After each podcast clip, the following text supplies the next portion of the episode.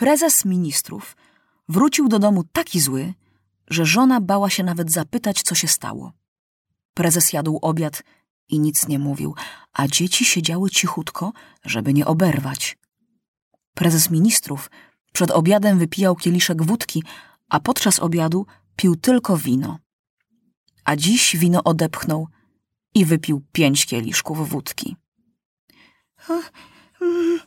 Mój mężu, zaczęła żona nieśmiało, żeby go więcej nie rozgniewać.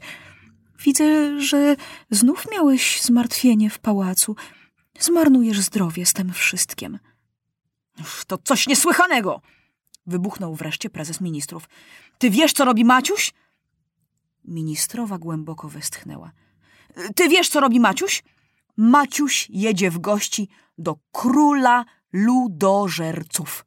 Rozumiesz? Do najdzikszych murzynów z całej Afryki. Tam jeszcze żaden z białych królów nie był, rozumiesz? Jego tam zjedzą. Z pewnością go zjedzą. Jestem w rozpaczy. Mój mężu, czy nie ma sposobu, żeby mu odradzić? Owszem, jak chcesz, to odradzaj, bo ja drugi raz w kozie siedzieć nie myślę. Uparty jest i lekkomyślny. No dobrze, ale co by było, gdyby, nie daj Boże, jego zjedli? Kobieto, zrozum, że mamy teraz zrobić tak, żeby rządził cały naród i król musi podpisać papier. To się nazywa manifest. I musi być uroczyste otwarcie pierwszego Sejmu. Kto podpisze manifest? Kto otworzy Sejm, jak Maciuś będzie zjedzony? W brzuchu tego dzikusa. Za rok już mogą go zjeść, ale teraz on jest potrzebny koniecznie. Ministrom szło jeszcze o jedną rzecz. Samego puścić Maciusia w tak niebezpieczną drogę nie wypadało, a jechać nikt nie chciał. A Maciuś nie na żarty szykował się w drogę. Rozeszła się po całym mieście wiadomość, że król jedzie do kraju ludożerców. Dorośli kiwali głowami, a dzieci strasznie mu zazdrościły. Mości królu, powiedział doktor, być zjedzonym jest bardzo niezdrowo. Prawdopodobnie zechcą waszą królewską mość upiec narożnie. A że białko ścina się od gorąca, więc wasza królewska mość... Ukochany doktorze, powiedział Maciuś. Już miałem być zabity, rozstrzelany i powieszony. Jakoś mi się udało. Może ten dziki książę mówi prawdę. Może oni są gościnni i nie ugotują mnie. Już postanowiłem tak. Obiecałem, a, a królowie muszą słowa dotrzymywać. Próbował i kapitan odwieść od tego zamiaru Maciusia. Tam jest gorąco. Trzeba jechać dwa tygodnie na wielbłądach. Tam są choroby różne i Maciuś może umrzeć. Zresztą tym dzikusom nie można bardzo wierzyć, bo oni są wiarołomni. Ja ich znam, bo z nimi walczyłem. Biali właśnie dlatego ich zabijają, żeby nie byli tacy dzicy i zdradzieccy. Maciuś kiwał głową, że to wszystko prawda, a mimo to szykował się do drogi. Musi być w stolicy ogród zoologiczny. Musi przywieźć dużo lwów, tygrysów, słoni i różnych małp.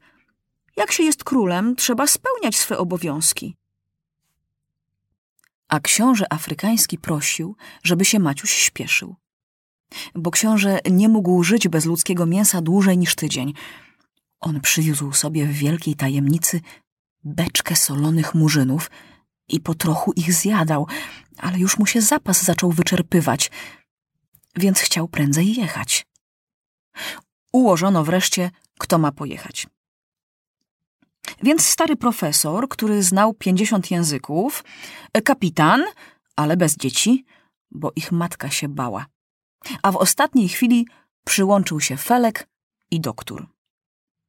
Doktor nie znał afrykańskich chorób, więc kupił grubą książkę o tych chorobach i do walizki włożył wszystkie lekarstwa, które były potrzebne. W ostatniej już chwili przyjechał jeden angielski marynarz i francuski podróżnik, żeby ich Maciuś wziął ze sobą. Bagażu wzięli mało, bo ciepłe ubranie było im niepotrzebne, a przytem na wielbłądach nie można wozić za dużo kufrów. Ano siedli na pociąg i jadą. Jadą. Jadą, jadą, jadą, aż dojechali do morza. Przesiedli się na okręt i płyną. Na morzu zaskoczyła ich wielka burza.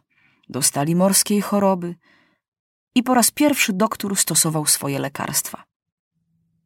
Doktor był bardzo zły na tę podróż.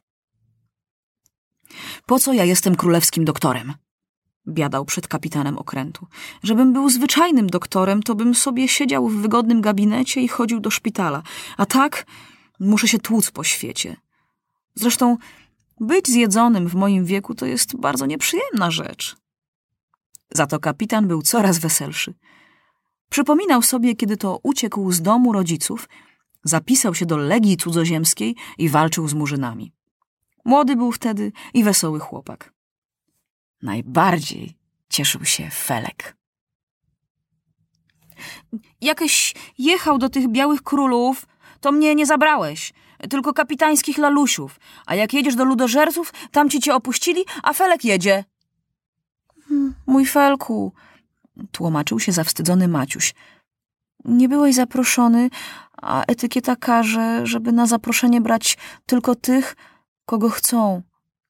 A Stasio i Helcia chcieli ze mną jechać, tylko im mama nie pozwoliła. Ja się nie gniewam, powiedział Felek. Zajechali do portu. Wysiedli z okrętu i jeszcze dwa dni jechali koleją. Tu już były palmy, różne drzewa daktylowe i figowe, rosły piękne banany i Maciuś ciągle wydawał okrzyki zachwytu. A murzyński książę tylko się uśmiechał, aż mu zęby białe tak błyszczały, że aż strach ogarniał. To jeszcze nie las afrykański. Później zobaczycie, co znaczy las prawdziwy. Ale zamiast lasu zobaczyli pustynię. Nic, tylko piasek i piasek. Jak w morzu woda, tak tu piasek. W ostatniej wsi był jeszcze mały oddział białych żołnierzy i parę sklepów białych ludzi. Powiedzieli im, że są podróżnikami i jadą do kraju ludożerców. A no, chcecie, to jedźcie. Było dużo takich, którzy jechali, ale nie pamiętamy, żeby kto wracał. Może nam się uda, powiedział Maciuś. Próbujcie, ale żebyście nie mieli do mnie pretensji, że was nie uprzedziłem, nie ostrzegłem. To bardzo dzicy ludzie, do których wyjedziecie. Murzyński książę kupił trzy wielbłądy i pojechał, żeby wszystko przygotować. A ich zostawił i kazał czekać, aż wróci. Słuchajcie, powiedział oficer małego garnizonu. Wy mnie nie oszukujcie, bo ja jestem cwaniak. Wy nie jesteście zwyczajni podróżnicy. Jedzie z wami jakichś dwóch małych chłopaków, jakiś staruszek i ten dzikus, który z wami przyjechał, to musi być jakaś bardzo ważna osoba. On ma w nosie taką muszlę, jaką wolno nosić tylko, jeżeli ktoś z królewskiej rodziny. A no, widzą, że nie ma co, więc powiedzieli wszystko. Ten oficer słyszał już o Maciusiu, bo przychodziła poczta raz na parę miesięcy i przywoziła gazety. O tak, to co innego. Może wam się uda, bo przyznać muszę, że oni są bardzo gościnni. E, I mówię z góry, że albo wcale nie wrócicie, albo dostaniecie strasznie dużo prezentów. Bo oni mają tyle złota i brylantów, że sami nie wiedzą, co z tym robić. I za każde głupstwo, jakieś trochę prochu, albo lusterko, albo fajkę, dają parę garści złota. Humory podróżników się poprawiły. Stary profesor leżał cały dzień na piasku, na słońcu, bo doktor powiedział, że to jest bardzo zdrowe na nogi, a jego bolały nogi. Wieczorem chodził do murzyńskich szałasów i tam rozmawiał i zapisywał nowe wyrazy, których jeszcze nauka nie znała. Felek tak się objadł owocami, że aż doktor musiał mu ze swej apteczki dać łyżkę rycyny. A Anglik z Francuzem brali Maciusia od czasu do czasu na polowanie.